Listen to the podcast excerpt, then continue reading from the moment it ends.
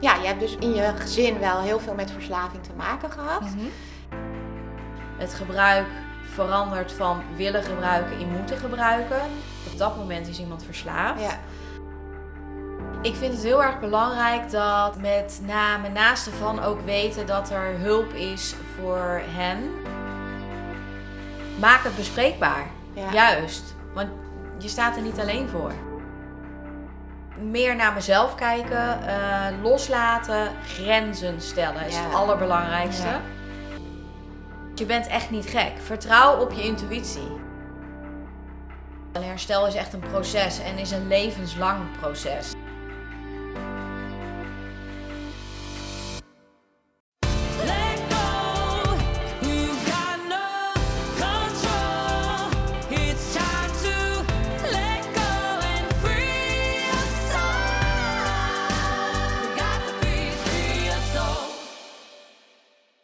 Welkom bij SOS de podcast, waarin we het hebben over verslaving en de impact daarvan op naasten.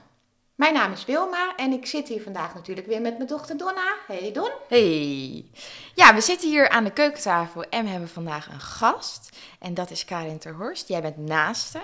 Welkom Karin. Dankjewel. Ja, welkom. Dank je. Wil jij jezelf misschien kort even voorstellen?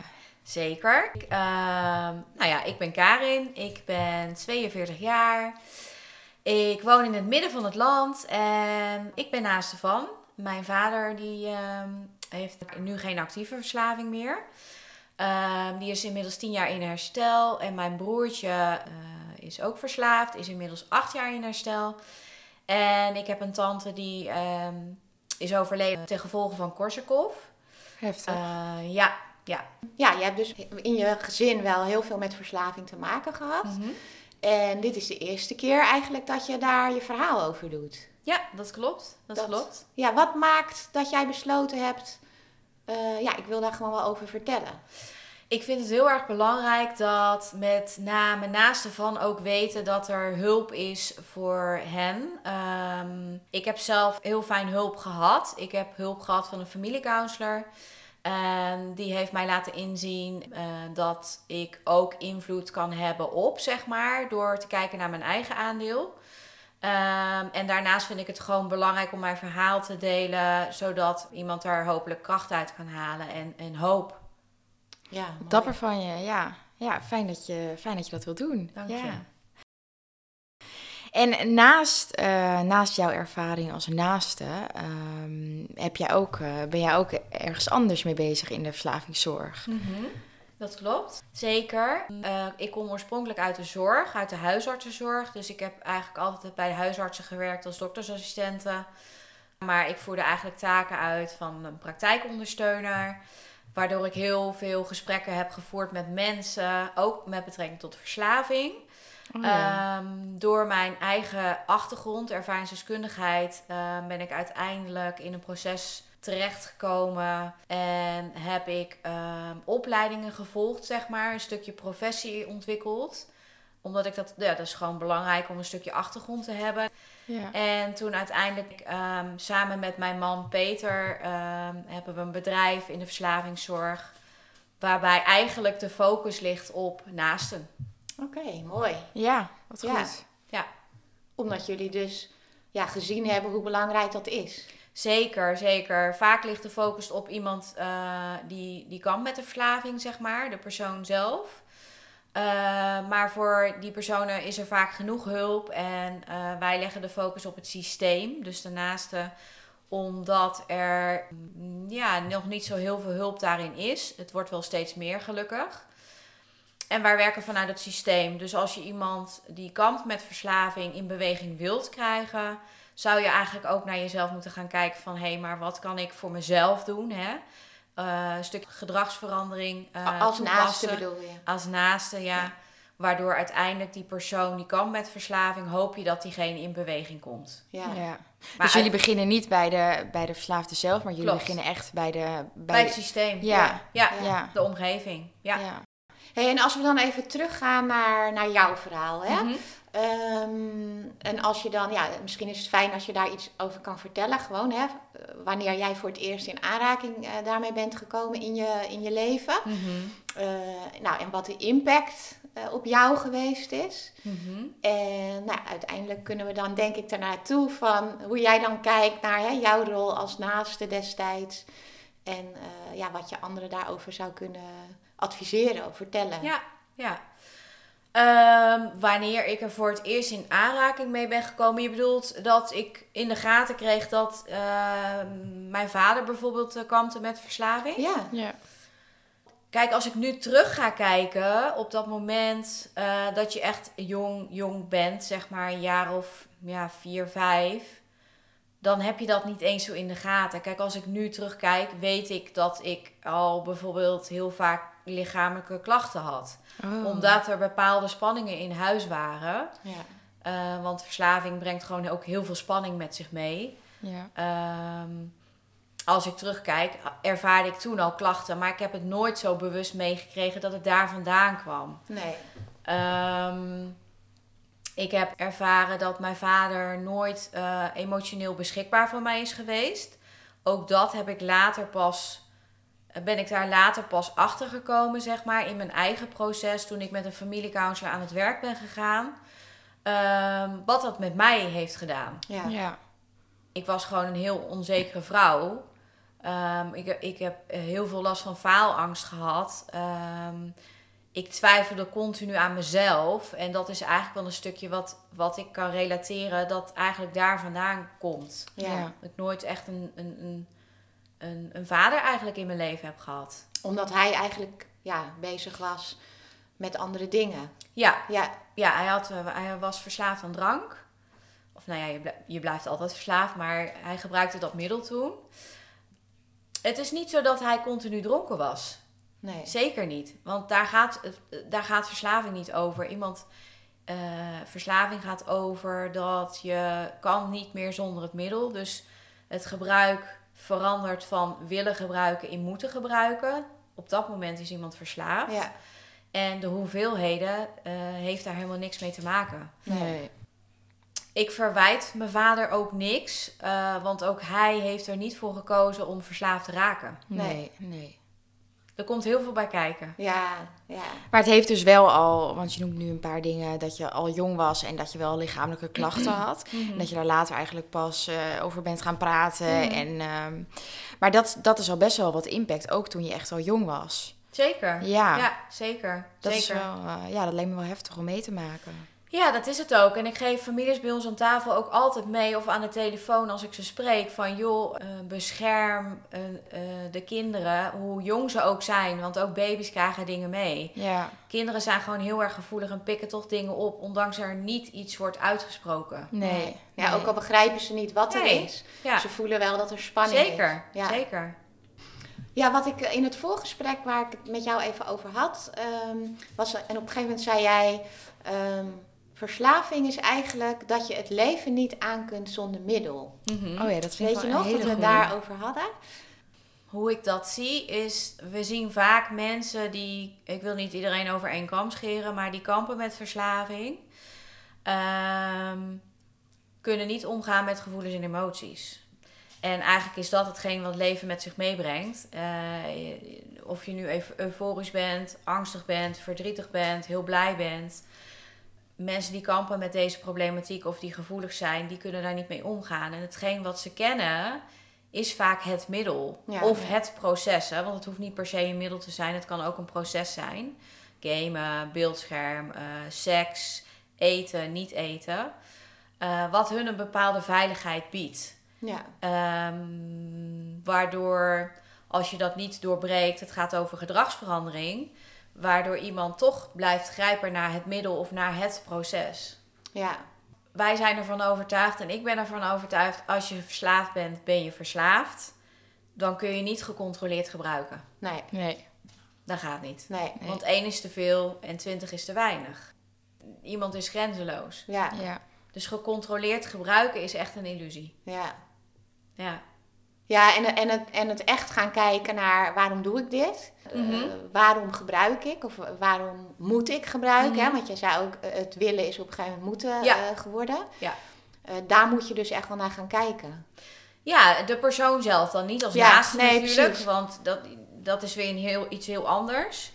Ehm, maar eh, degene die kampt met verslaving, het is belangrijk dat eerst het middel of het proces wordt weggenomen voordat er verder gekeken kan worden. Ja, Eh, want ja, iemand kan niet heel goed omgaan of niet of nauwelijks omgaan met gevoelens en emoties. Maar het kan ook zijn dat er nog andere dingen onder liggen. Er zit altijd iets onder verslaving. Of er komt altijd iets met verslaving mee. ja. Ja. En jullie werken dus veel eh, met families. Ehm, en wat ik heel moeilijk vond als naaste, hoe weet je nou of iemand echt in herstel is? Hoe, hoe zou jij dat eh, omschrijven voor een familie? Hoe zie je dat, dat je partner of eh, familielid echt in herstel is?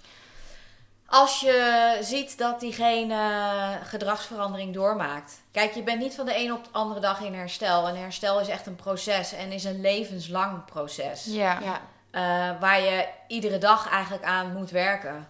En dat kan je doen. En dat is, die geldt niet alleen voor mensen die kampen met een verslaving, maar ook voor naasten. Er zijn zelfhulpgroepen. Ja. En middels die zelfhulpgroepen kun je voor jezelf bijvoorbeeld het 12 stappen programma doorlopen. Eh, waardoor je continu eh, bijvoorbeeld doet aan zelfreflectie. Kijk naar jouw aandeel. En als naaste kan je dus ook het 12. Zeker. Oké. Ja, ja, dus dat iedereen zou eigenlijk eens een keertje dat programma moeten doorlopen voor zichzelf. Oh. Ja. Want daar maak ja. je echt een, eh, je maakt gewoon echt een groei door. Ja, Ja, ja. en het is ook niet zo dat als je eenmaal dat eh 12 stappen Minnesota model een keer hebt doorlopen, dat je dan klaar bent. Nee. Dan kun je het gewoon opnieuw weer eens een keer inzetten Ja. en opnieuw gaan kijken van hé, maar hoe sta ik er nu in? Waar loop ik nu tegenaan? Ja. Het gaat gewoon over, over persoonlijke groei. Ja. Ja. En het blijft eigenlijk een levenslang proces waarin je blijft groeien als naaste en als verslaafde, denk Ja. ik. Ja. En je, gaf, je, je vroeg mij ook van, hé, maar hoe kan je dat herkennen? Nou, dat, dat herken je echt wel hier aan. Echt Ja. de gedragsverandering. Als iemand echt, als je ziet dat iemand echt met zichzelf aan het werken is. Ja, ja. ja. Ja, en ook denk ik anders reageert op het moment dat er bijvoorbeeld een terugval is. Dat je andere dingen hoort. Dat je niet weer hetzelfde riedeltje hoort van hè, de afgelopen jaren of wat je gewend was te horen. Ik denk dat dat ook een eh, maatstaf kan zijn. Ja, ja, maar terugval heeft helemaal niets met herstel te maken. Als je echt in herstel bent en je hebt geleerd om naar jezelf te kijken en je hebt volledige overgave, want daar gaat het ook over. Een volledige overgave, even voor mijn... eh, wat bedoel je met volledige overgave? Ehm, aan iets wat groter is dan jij. Dus het, het gaat over ehm, ja, iets dat groter is dan jij. En dat, en dat kan je invullen voor jezelf zoals je dat zelf wil. Oh ja, oké. En volledige overgave ook aan het programma. Om echt bereidwilligheid om te kijken naar jezelf. Ja. Wat was de vraag ook alweer? Nou, dat als iemand terugvalt en je hoort niets weer- te maken ja. met herstel. Ja. Ehm, op dat moment als je in herstel bent, kies je er bewust voor om weer een middel tot je te nemen. Ja. Of Ja. weer om in proces in te gaan als je een procesverslaving hebt. Ja, En waarom is dan, want dat vind ik een lastig verschil. Als je verslaafd bent, dan wordt er vaak gezegd: eh, het is geen keuze, het is niet bewust, zeg Mhm. maar.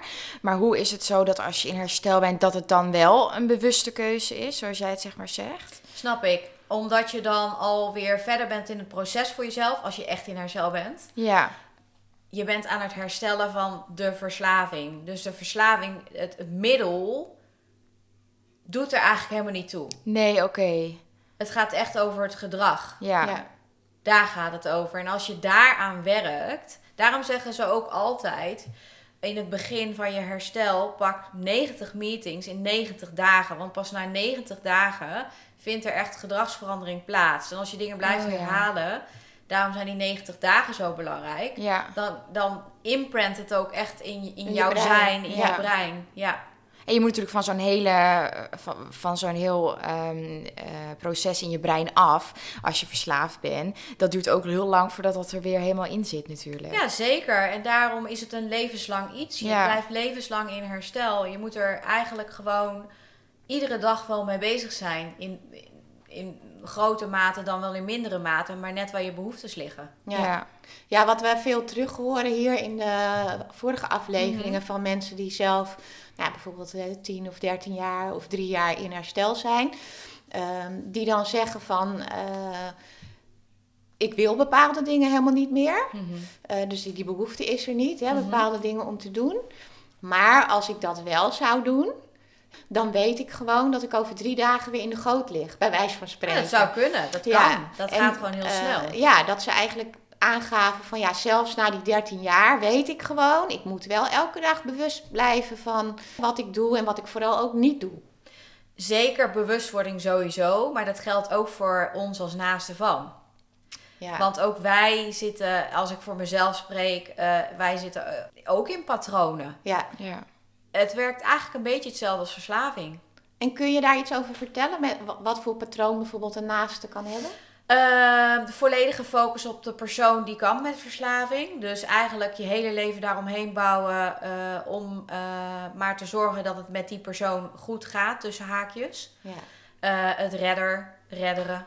Dat heb ik zelf heel erg gedaan. Ik denk, oh, ik kan mijn vader wel redden en mijn broertje ook wel. Dat komt wel goed. ja, Maar dat, dat gaat niet. nee. We zijn gewoon te, te dichtbij. Je, Ja. Ik moet gewoon zus en dochter van blijven. Ja.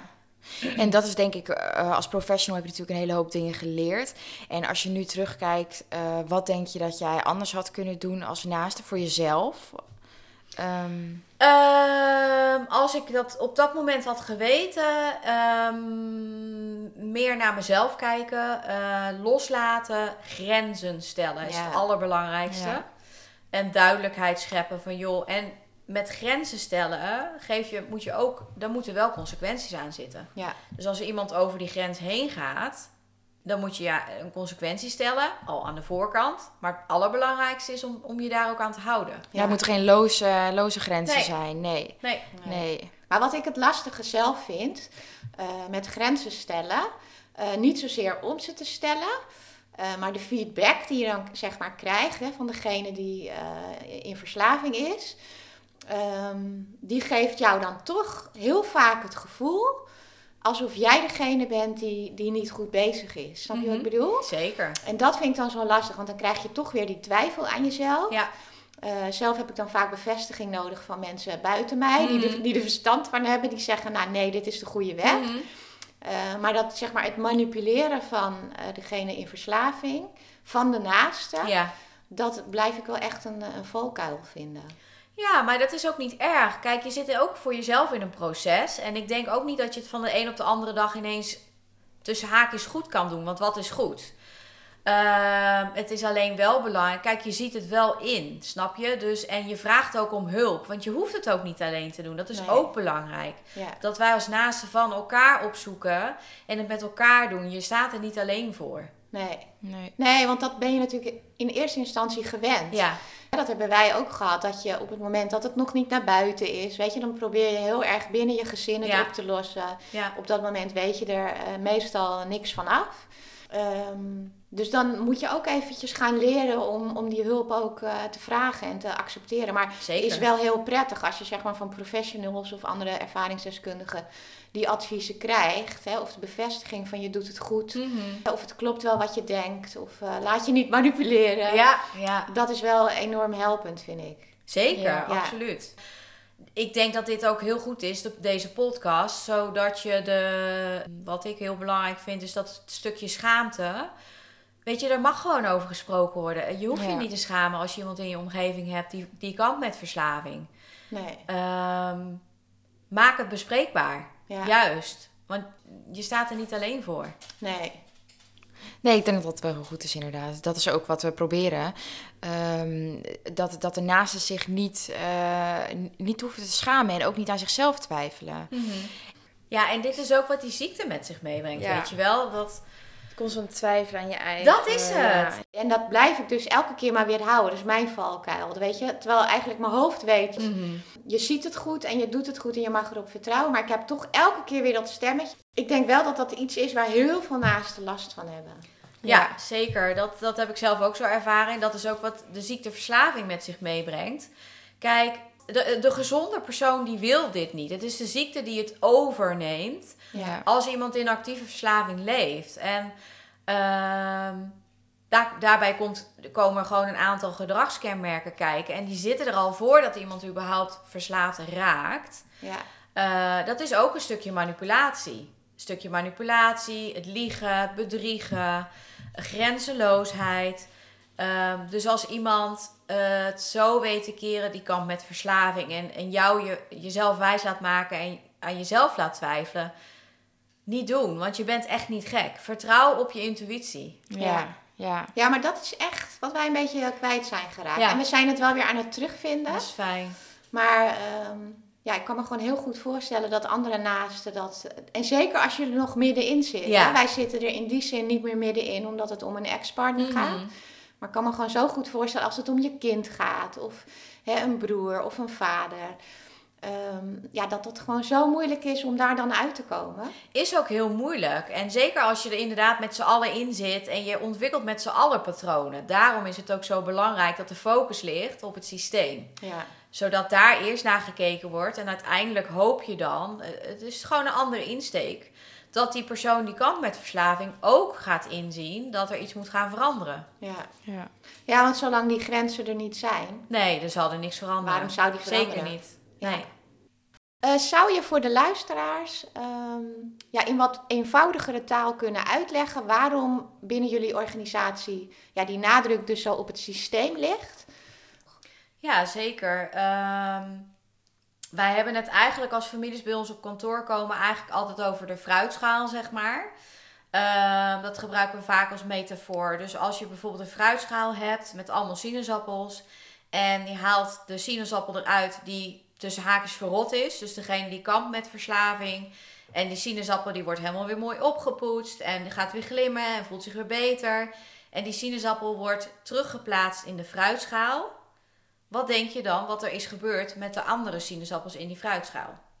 Ja, die liggen daar nog eh, aangetast te zijn. Ja, Ja, precies. en daarom is het zo belangrijk dat niet alleen de persoon die kan met verslaving uit het systeem wordt gehaald en aan zichzelf gaat werken, Ja. maar dat eigenlijk iedereen ja. naar zijn of haar aandeel gaat kijken en dat je met z'n allen een groei door gaat maken, Ja. zodat iedereen in herstel komt. ja, want anders komt degene die zeg maar hè, uit de kliniek komt of hè, uit Mhm. behandeling komt, die komt weer in dat systeem. Eigenlijk dat verrotte systeem, om het even zo grof te zeggen. Ehm, en, en, en dan wordt het voor hem natuurlijk, hem of haar, heel moeilijk om zich daar dan staande te houden en alle nieuwe dingen die hij geleerd heeft ook eh, te blijven doen. Terwijl die zeker. familie dan nog eh, blijft hangen in, in hun oude patronen. Ja, zeg maar. absoluut. Absoluut. En wat ik me dan ook nog kan voorstellen, eh, even vanuit het perspectief van de verslaafde. Ehm, stel je voor, jouw omgeving wil niet daaraan meewerken of die Mhm. vindt het allemaal niet zo'n probleem, maar je Mhm. wil zelf wel als verslaafde. Mhm. Dan is het ook heel lastig dat je weer terugkomt in zo'n omgeving die eigenlijk niet zelf wil veranderen. Zeker, zeker. Hoe moet, Absoluut. je, ja, hoe moet je dat dan aanpakken? Dan kan je er wel voor kijken. Sommige mensen die kiezen ervoor om, om alles te veranderen. ja, Alles. omgeving. Vaak is het ook zo dat ze zeggen: je hoeft, je hoeft maar één ding te veranderen. En dat is alles. Nou ja, ja, die heb ik wel eens gehoord, ja. Dus eh, mijn partner bijvoorbeeld, die heeft ervoor gekozen, mijn man, om in een hele andere eh, stad te gaan wonen. Ja, Want op dat moment, eh, en dat was niet zozeer omdat zijn familie niet, niet mee veranderde, want dat was toen helemaal niet zo. Maar wel om voor zijn eigen herstel te gaan. Ja, ja. ja en niet steeds in aanraking Precies. te komen met allerlei dingen uit die tijd. Zeker. Ja, Ja, ja. ja. Dus ja, daarom is het zo belangrijk dat de focus ligt op het hele systeem. Ja, Ja, ja. ja wel eh, goed uitgelegd met die Ja, duidelijk. Heel, ik heb er meteen een beeld bij. Nou, Ja. fijn, Ja. fijn. Heel duidelijk. Je vertelde dat je, dat je tante is overleden aan Korsakoff. Ehm, heftig. Mhm. Maar ehm, je vertelde ook dat er nog iemand binnen je gezin was die eh, met een verslaving kampte. Ja. Ja, mijn tante inderdaad. Maar dat heb ik niet zo bewust meegemaakt. Omdat ik, daar stond ik gewoon wat verder vanaf. Ja. Eh, ik kan me nog wel heel goed herinneren dat mijn oom en mijn nichtje... Mijn nichtje is eh, twee jaar jonger dan dat ik ben. Dat ehm, zij mij lieten zien dat ze strepen op de fles hadden gezet. Zij had dus ook, kampte ook met een alcoholverslaving. Ach, Ehm, ja, om te controleren, om te kijken of dat ze inderdaad weer meer had gedronken. En hoe oud was jij toen? Ergens in mijn tienerjaren. Oh ja. Ergens, ik weet niet meer precies. Ik heb er verder niks mee gedaan of zo, Nee. zeg maar. Op dat moment ook niet. En voelde dat voor jou nog, want eh, je, je oom en je nichtje liet dat dan zien. Maar had je dan ook zoiets van, bij ons thuis is er ook zoiets aan de hand? Of, Nou ja, weet je wat het, nou ja, grappig. Kijk, op een gegeven moment, je weet niet beter, hè? Nee. Dus ik ken mijn- kende mijn tante eh, niet beter dan dat ze aan de sherry zat. oh ja. Eh, vroeger was het zelfs zo op verjaardagen. Er werd altijd alcohol geschonken. En er waren ook altijd sigaretten. Er werd gewoon in huis gerookt op kinderverjaardagen. Ja. Ja. dat was gewoon een hele andere tijd. Ja, Ja. andere Het tijden. stond helemaal Ja. blauw. En dan denk je nu, eh, wat hebben we gedaan? Maar goed, toen was dat Toen zo. was dat Ja. normaal.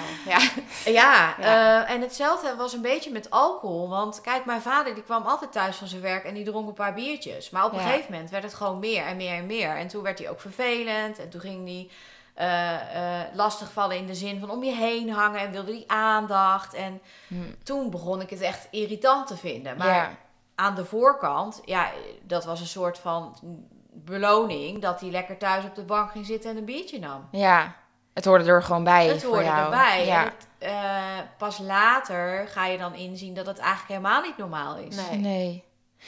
En op een gegeven moment, eh, want jouw broertje die, eh, die is ook verslaafd Ja. ehm, geweest? Of, eh, Ja, je blijft altijd verslaafd. ja, dat is maar ook ja. zo. Ja, Maar ja. wel in herstel. Ja, ja. En is dat, was dat tegelijkertijd met je vader? Ja. Of hoe is dat? ehm? Ja, ehm, uiteindelijk ehm, hebben wij een interventie uitgevoerd op mijn broertje. Oké. eh, onder begeleiding natuurlijk. ja.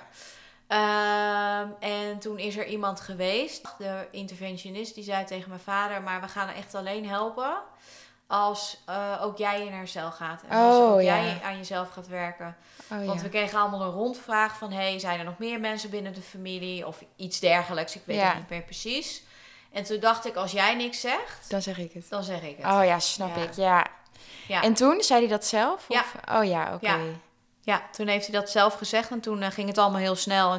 Ehm, ik woonde op dat moment eh, samen met mijn toenmalige partner. En mijn moeder bleef dus eigenlijk alleen thuis achter. Oh. Ja, ja, dus dat was best wel heftig. Ja. Eh, want mijn broertje ging weg en mijn vader ging weg. Die gingen echt samen in herstel ja, dus? Ja, maar wel al- allebei apart hoor. Ja, oké. Ehm, Ja, dat lijkt me ook wel heftig. Dat je dan ergens anders woont en dat je moeder ineens alleen zit. Ja. En, en eh, haar man en de zoon, die, die zijn in herstel. Of die Ja. zijn naar een kliniek. Nou ja, die zijn naar een kliniek inderdaad. Ehm, dus dat was een heftige periode. Want Ja. dan ga je ook voor jezelf het proces in. Want in het begin wil je dat eigenlijk helemaal niet. Nee. Eh, want je denkt, ja, je wil eigenlijk niet naar jezelf kijken. Nee.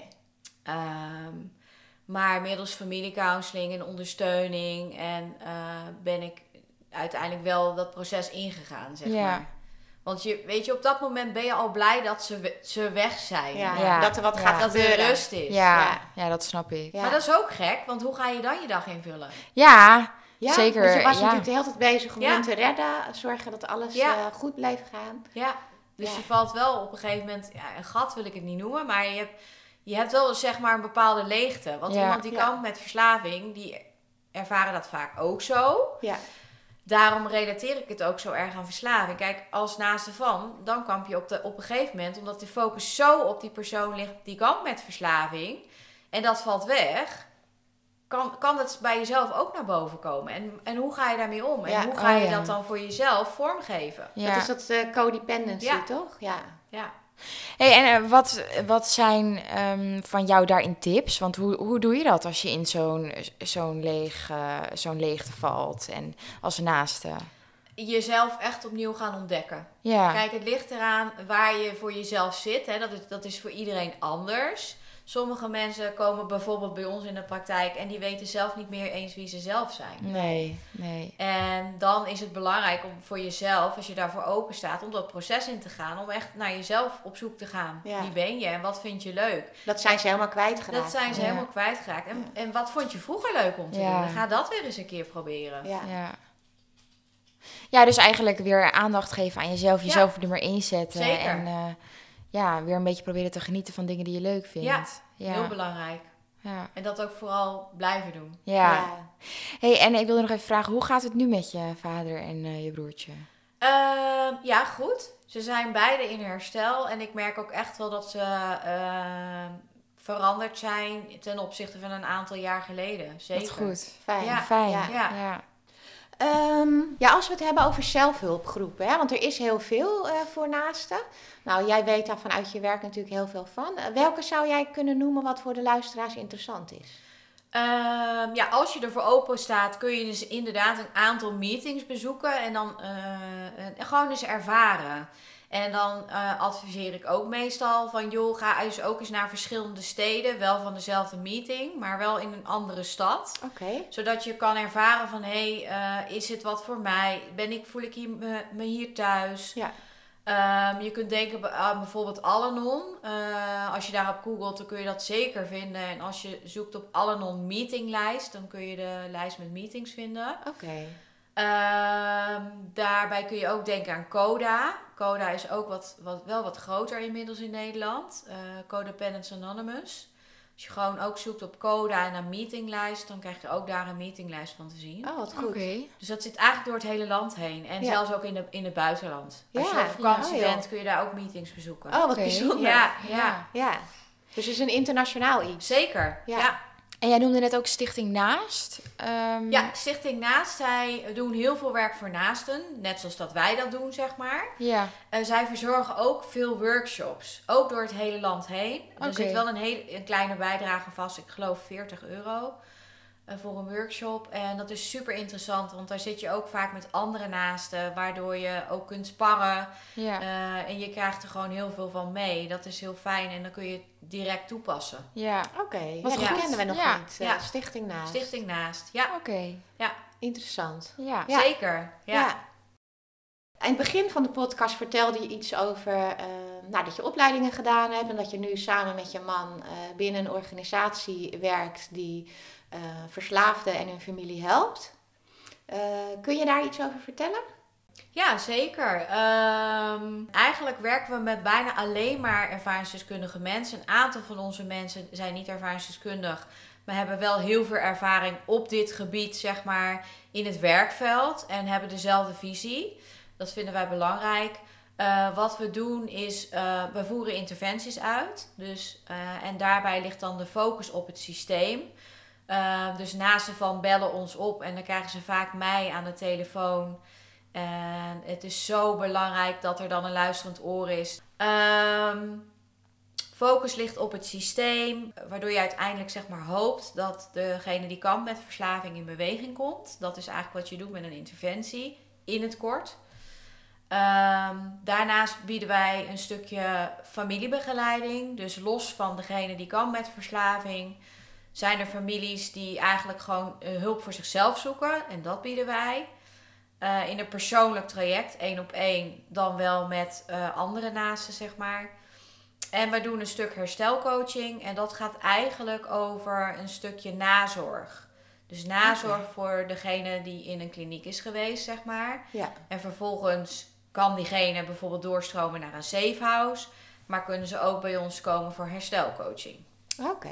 Dat is een heel, eh, heel pakket. Ja, Ja. dat is een heel wat Ja. goed. Maar jullie zijn dus ehm, wel echt van mening van als je de familie niet meeneemt in het geheel, dan wordt het wel veel lastiger om tot een succes te komen eigenlijk. Absoluut. En wij, zijn, wij zeggen dan ook zelfs, kijk, heel veel mensen komen bij ons die zeggen, red mijn kind, red mijn zoon, red mijn dochter, red mijn vader.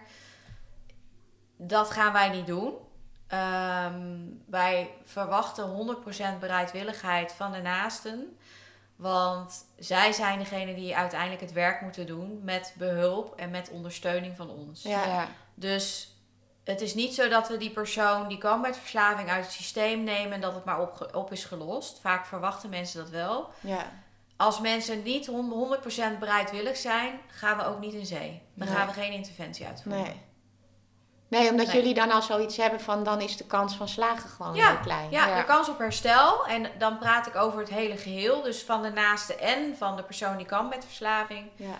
Die is dan gewoon niet heel. Ja. Ja. Ja, Ja. dus dat is echt wel een hele duidelijke boodschap Ja. voor de naaste. Van je moet echt wel bereid zijn om ook hè, naar je eigen rol, naar je eigen gedrag, Zeker. hoe je ermee omgaat, om daarnaar te kijken. Ja. Ehm, ja, om echt eh, succes te kunnen behalen. Ja, om die groei door te kunnen maken. Ja, Met z'n allen. Want Ja. dat is wat je uiteindelijk wil. Je wil groeien met z'n allen naar een gezonde, liefdevolle, warme omgeving. ja. en gezonde patronen. Zeker. Ja. ja. Hey, en zou je nog even jullie website willen noemen? Zeker. Dat is eh www.peterterhorst.com. Oké. Nou, super. Nou, voor alle luisteraars, Ja. neem eens een kijkje. Wees welkom. Ja, Stuur ook vooral een mail als je informatie eh, wilt. Of als je denkt van, hé, maar wat was het nu met die zelfhulpgroepen? Ja. Stuur maar gewoon een mail, dat maakt niet uit. De, het mailadres staat op, de, op onze website. ja, Nou, heel fijn. heel fijn. Heel erg bedankt voor je verhaal en je openhartigheid. En Graag eh, al je inzet. Ja, Ja, in deze. en in voor deze ons sessie. eh, wel weer dingen om eh, even over na te denken. En Ja. zeker wel weer wat eh, bijgeleerd. Fijn. En voor de naasten, wees welkom bij de zelfhulpgroepen. Zeker. Dus. Ja. Ja, Zeker. ja. En, en, en doe het vooral niet alleen. Nee, Dat is belangrijk. Je hoeft je niet te schamen. dat is een mooie afsluiter. om mee te eindigen. Dank jullie wel voor de uitnodiging. Ja, nou heel graag gedaan en jij bedankt. Dank je. En voor de luisteraars, tot de volgende keer. Adios. Adios. Let go.